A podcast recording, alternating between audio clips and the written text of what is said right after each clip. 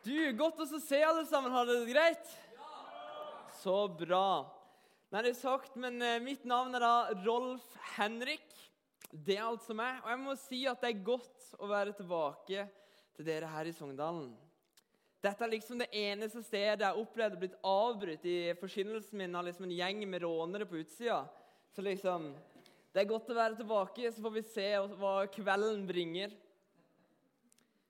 Men jeg driver altså på med et klesmerke som heter Chosen. Det er det tida mi går til. Og så studerer jeg på siste året, og så er jeg så heldig å være komfleder i Randesund misjonskirke.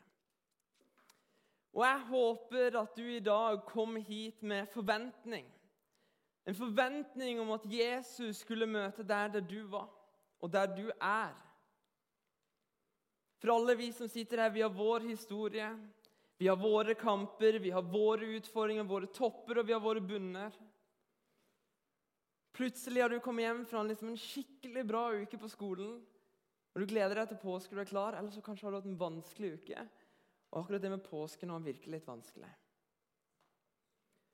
Og jeg tror at Altfor ofte så tar vi på oss disse maskene der vi later som at liksom alt er helt topp. Liksom jeg kan ha det skikkelig vanskelig med ting jeg går gjennom, men når noen møter meg, så er det sånn Ja, ja, alt er helt topp. Jeg legger liksom Instagram-filteret på hvem jeg er, ut av alle. Og det som skjer, er at de blir nesten litt sånn som mumier. ikke sant? De er liksom sånne gullgreier som er liksom skikkelig flotte, og liksom masse dekor. Mens på innsida så er det råttent. Og Det var kanskje noe voldsomt å starte med å si, men grunnen til at jeg sier det, er at når vi er her i kirka, så er vi en familie.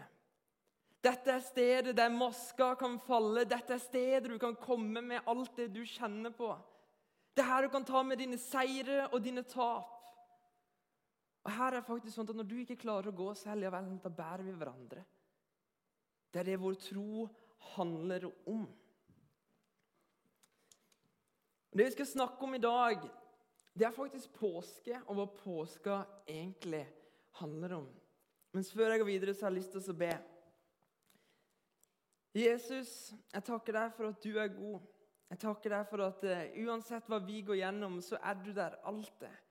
Takk for at du alltid møter oss med kjærlighet, og du alltid møter oss med nåde og tilgivelse. For jeg ber om at du skal tale gjennom meg. Jeg har ingenting å komme med, mens du du har alt å komme med, Jesus. Så vi legger denne stunden i dine hender. Og alle sammen sa amen.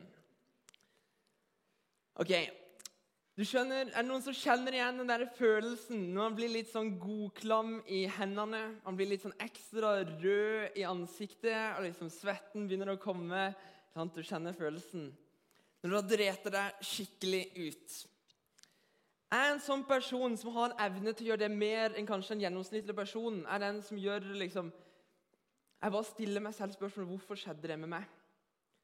Alle venner har én fyr i vennegjengen som er mest sannsynlig at kommer til å få en måkebæsj i hodet. ikke sant? Det er meg. Og For nesten et, eller nei, for et år siden nå så eh, var jeg hjemme hos meg. Jeg var faktisk på date, og det var, liksom, det var superkoselig. Jeg er liksom en litt sånn håpløs romantiker, så vi liksom lå ute på terrassen hos meg. og liksom, Jeg har liksom lagt ut et sånt teppe. Hadde Pepsi Max-en klar, jeg hadde med meg høyttaler. Og liksom vi skulle se på stjernene. ikke sant? Jeg er klissete. Sånn er det bare. Så stemninga var liksom satt. Det var helt konge. Og så gikk det faktisk ganske bra. Så jeg var liksom der OK, dette er liksom hyggelig. Liksom, hun, hun, hun har ikke løpt ennå, i hvert fall. Det, liksom, det går greit. Så liksom, det var hyggelig, og så skjer det det verste som kan skje. Jeg må nyse, og jeg nyser skikkelig. Og idet jeg nyser, så slipper jeg den høyeste fisen jeg noen gang har sluppet i hele mitt liv. Og liksom, Jeg kødder ikke. Det var så høyt at jeg liksom jeg, Det var noe som døde inni meg. da. Jeg, jeg, liksom, jeg visste ikke hva jeg skulle gjøre. Og liksom alle disse tankene liksom gikk inn i hodet mitt. liksom, Nummer én hørte hun det. Ja, selvfølgelig gjorde det. Hele nabolaget hørte det. Og så tenkte jeg liksom Kanskje jeg kan løpe? Kanskje bare løpe vekk? Problemet var jo at vi var hjemme hos meg, så jeg kjente liksom hvor skal jeg løpe? liksom, Bare løpe av gårde. Eller kanskje jeg skulle ta en sånn der eh, Adam og liksom begynne å skylde på henne. Det var det! Det var du som feis!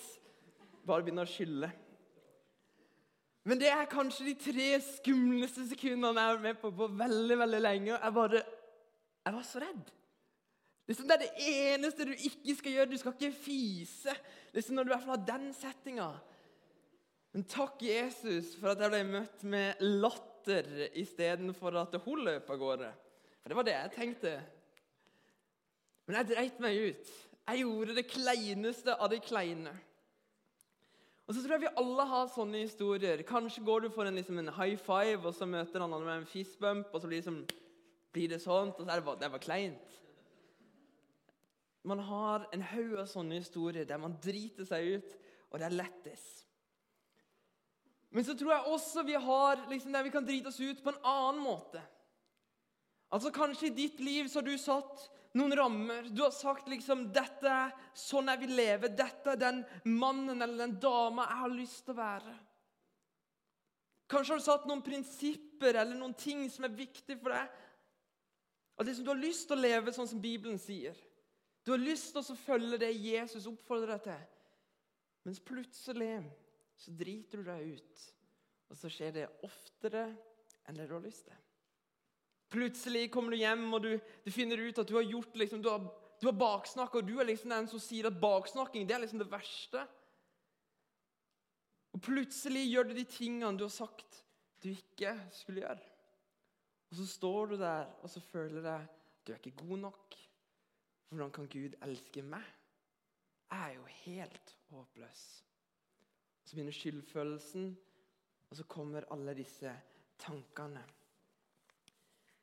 Men det jeg har lyst til å si, er at eh, uansett hvor vi er, uansett hva vi går gjennom, så blir vi møtt av Jesus som elsker oss, selv de gangene vi ikke elsker oss selv.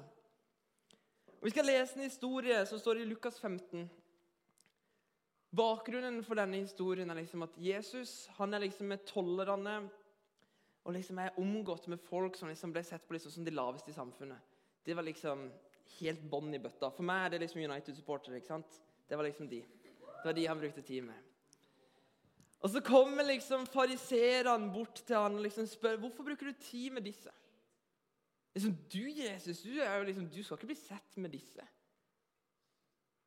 Hvorfor er du med de?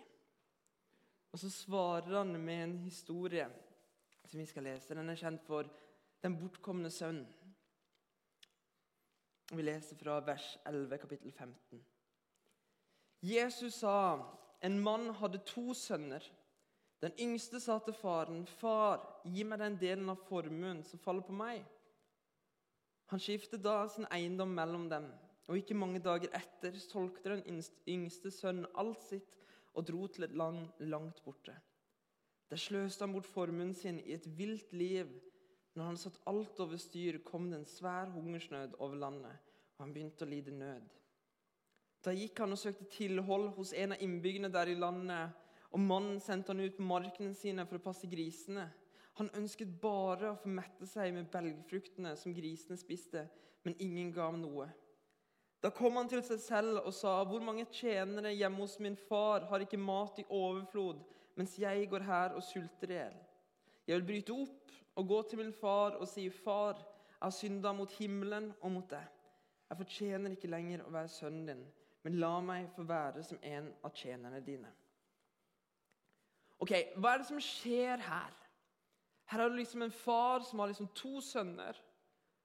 Og den yngste sønnen sier faktisk til sin far at det liksom Kan ikke jeg bare få arven min nå? Den dagen du dør, så skal jo liksom jeg få en del penger. Kan ikke vi bare si sånn at fra i dag så er du død for meg, og så er jeg død for meg? Eller for deg? Så gir du meg de pengene, og så, så er vi ferdige. Jeg vil ikke ha noe mer med deg å gjøre. Du holder meg tilbake i livet. Jeg får liksom ikke oppleve alle disse tingene pga. deg. Det var sikkert noe sånn han tenkte. Så sa faren delte opp eiendommen sin, og den yngste sønnen fikk det. Solgte vekk alt. Så står det liksom at han reiste og levde et vilt liv. Jeg ser liksom for seg at han gikk rett inn og bestilte en flybillett liksom Ibiza. Og han liksom kom ned, og det var liksom Det var hæla i taket. Liksom Han tenkte sikkert det at Yes!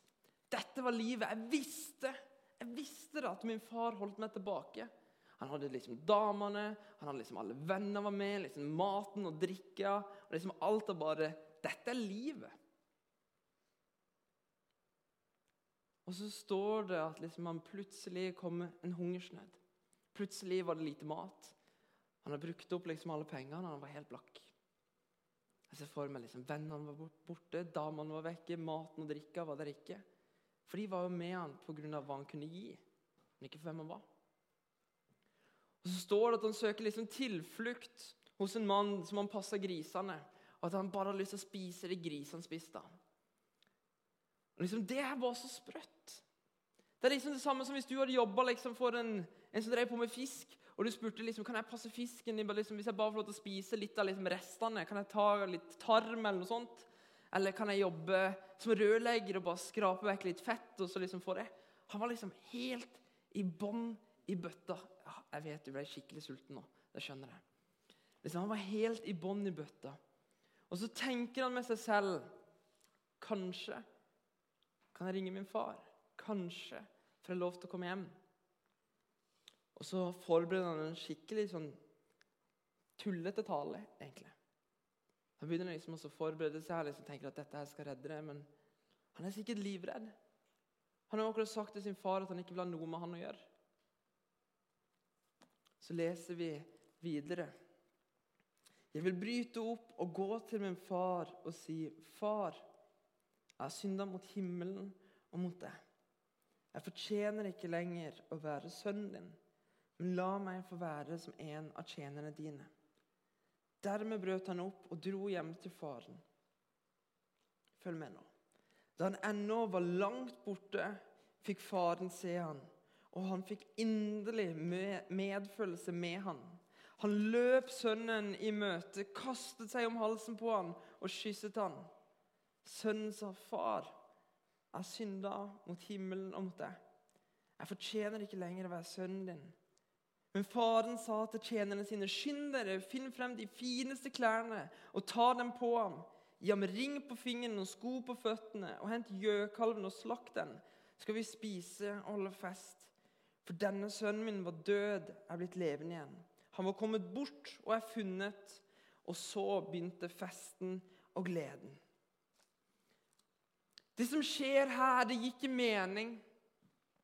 Denne sønnen har liksom sagt til sin far at liksom, du er for meg, bare gi meg arven nå, så er vi liksom ferdig. Jeg vil ikke ha noe med det jeg gjør. Du holder meg tilbake i livet. Så går han og bruker opp alle disse pengene. Han blir mutters blakk. Og så reiser han tilbake i håp om at kanskje han kan være en tjener for sin far. Og hva er det faren gjør når han ser sønnen? For meg hadde det gitt mening hvis han hadde sagt liksom sånn der, ok, Sett deg der i ti år og tenk på hva du har gjort, og så kan vi snakke. eller liksom, Er du klar over liksom, at det har blitt en sånn skikkelig alvorsprat? eller? Ok, Du var her før, men du kan få lov til å bo hos din farmor i liksom, Serbia. liksom et eller annet sånt. Det har liksom ikke mening for meg. Men det som skjer, er at denne sønnen blir møtt med nåde. Faren ser han, han klarer liksom ikke la være, så han liksom løper han i møte og kaster seg rundt han. På den tida var det sånn at en verdig mann skulle aldri bli se hans løpende. Hvis du løp, det var liksom, da mista du verdigheten din. Mens denne faren, han dreit i det. Han så sønnen sin, så hva alle andre tenkte, betydde ingenting. Han bare løp han i møte. Plutselig står denne sønnen liksom på dansegulvet. Liksom. De har satt inn Spotify-en. Han får lov til å velge musikk. Det er litt Young and Free og litt Planet Shakers i bakgrunnen. Liksom, han lever livet nå. Han er kommet hjem. Og i denne historien så er den faren, det er Gud. Og den sønnen, det er deg. Det er meg. Vi har gjort feil vi har snubla. Vi har liksom sagt til Gud at liksom, okay, vi vil egentlig ikke ha noe med deg å gjøre. Liksom, vi får det ikke til. Vi gjør de tingene vi, Gud har sagt vi ikke skal gjøre. Men så likevel så får vi fortsatt muligheten og lov til å være med Han. For det er dette påska handler om. Da Jesus var villig til å ta alt på seg. Hva skal til for at jeg skal kunne være med deg? spurte han. Hva skal til? For at han skulle klare det, så måtte han betale med sitt liv der han hang på korset. Jonas, du kan komme opp hvor enn du sitter. For han tok på alle de feilene du har gjort. Både det du har gjort i fortida, og det du har gjort i fremtida. De tingene du tør å si til de rundt deg, de tingene er bare du som vet. De tingene som du tenker at hvis noen får vite dette, det er over med meg. Hvis noen får vite det jeg av og til tenker, det jeg av og til gjør, kommer de aldri til å vil være med meg igjen. Men Jesus han visste alt, og han likevel så var han villig til å gi sitt liv for deg. For jeg har en 50-lapp med meg. Er vi enige om hvis jeg går på butikken med denne 50-lappen og jeg finner noe til 45 kroner eller 40 kroner, så kan jeg kjøpe den med denne? Er vi enige i det? Ja, Vi tenker ikke at han, vi må bytte han snart. Men ikke sant? Jeg kan kjøpe noe til 45 kroner, 49-50 kroner med denne. Hvis jeg tar og river, eller liksom tar krøller han godt, gir han en skikkelig trøkk Hvor mye vil dere si at denne 50-lappen er verdt da? Er det liksom 45 nå? Han har jo liksom gått gjennom en del, så må jo være verdt litt, sånn, litt mindre. er vi fortsatt enige om at denne er verdt fortsatt 50 kroner? Hvis jeg tar og tråkker på han og gir han en skikkelig omgang der til og med hvis jeg hadde spytta på han. Er vi enige om at han har fortsatt verdt 50 kroner? Hvis jeg river han i to Til og med da så er han verdt fortsatt 50 kroner. Den er verdt 50 kroner fordi at det var noen menn og damer som for mange år siden satt en verdi på denne 50-lappen. At uansett hva som skjedde med han, så er denne 50-lappen fortsatt 50 kroner. Og Sånn er det faktisk med oss òg. Kanskje har du gått gjennom en del ting. Du har gått gjennom en, en sorg her, en depresjon her. Noen har sagt noe om deg, noen har dytta deg ned. Og du begynner også å tenke at ja, men du kan ikke være verdt like mye som det du var før. Du begynner å tenke at jeg kan ikke være like mye verdt som mine venner. Vi begynner å tro at alt det vi har gjort, og alt det som er rundt oss, er det som definerer oss. Det er det som gir oss verdi, at hvor mange likes vi får på Instagram, er det som forteller oss hvor mye vi har å komme med. Mens på samme måte som med 50-lappen, så var det én som skapte deg. Det var en som forma deg i din mors mage, som ga deg verdi. Og i påska så betalte han prisen. For du skjønner, du er betalt med den høyeste prisen noen gang betalt. Du er betalt med Jesu blod for at du skulle være fri. For vi er som denne sønnen som har liksom sagt vi ikke ha noe med det å gjøre. Liksom, vi, vi, vet best selv. Og Av og til kan vi sikkert tenke det, at det liksom, vi får ikke opplevd så mye på at liksom, det er så mange ting vi ikke får lov til å gjøre. Men så er sannheten at alle de tingene får vi beskjed om pga. at han bryr oss om oss. For han vil oss vel. Og Selv om vi tror vi ikke kan komme tilbake, selv om vi tror at nå er det over, så når han ser oss komme løpende eller komme gående mot han, så løper han oss i møte. Jeg nærmer meg slutten, men jeg vil at alle skal lukke øynene. Jeg skal ikke ha en frelsesinnbydelse nå. Men jeg har lyst til å lese noen setninger for deg som jeg vil bare at du skal ta til deg. For du skjønner, Jesus bærer deg når du ikke klarer å gå. Jesus møter deg alltid med nåde, selv om du ikke føler du fortjener det. Jesus elsker deg med en større kjærlighet enn du noen gang kommer til å forstå. Jesus tilgir deg, selv om du ikke skjønte at det var mulig. Jesus sier du er vakker selv om du er uenig med han. Jesus betalte prisen for det du aldri klarte å betale prisen for. Jesus står med åpne armer selv når du trodde det var over. Jesus løper deg i møte selv når du ikke føler deg god nok. Eller kan åpne øynene og se opp. For det er det påske handler om. Vi får lov til å komme med våre feil og våre mangler. Og så er det én som faktisk har tatt alle våre feil, alle våre mangler, på seg.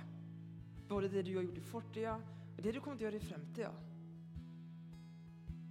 Han elsker deg, selv om han vet alt det.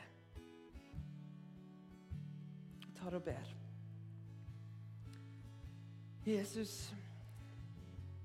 vi takker deg for at du er mye større enn det vi noen gang kommer til å forstå. Vi takker deg for at det er du som gir oss verdi. Og vi takker deg for påska, for at du var villig til å gi ditt liv for oss. For at vi skal kunne være med deg. Takk for at du alltid møter oss med nåde og tilgivelse. Jesus, jeg ber om at vi skal forstå det, la det komme til hjertene våre, sånn at det ikke er bare ord vi hører, men det er ord vi virkelig forstår at det er sant. La det forme oss. La det prege oss. Så legger vi resten av denne stunden i dine hender.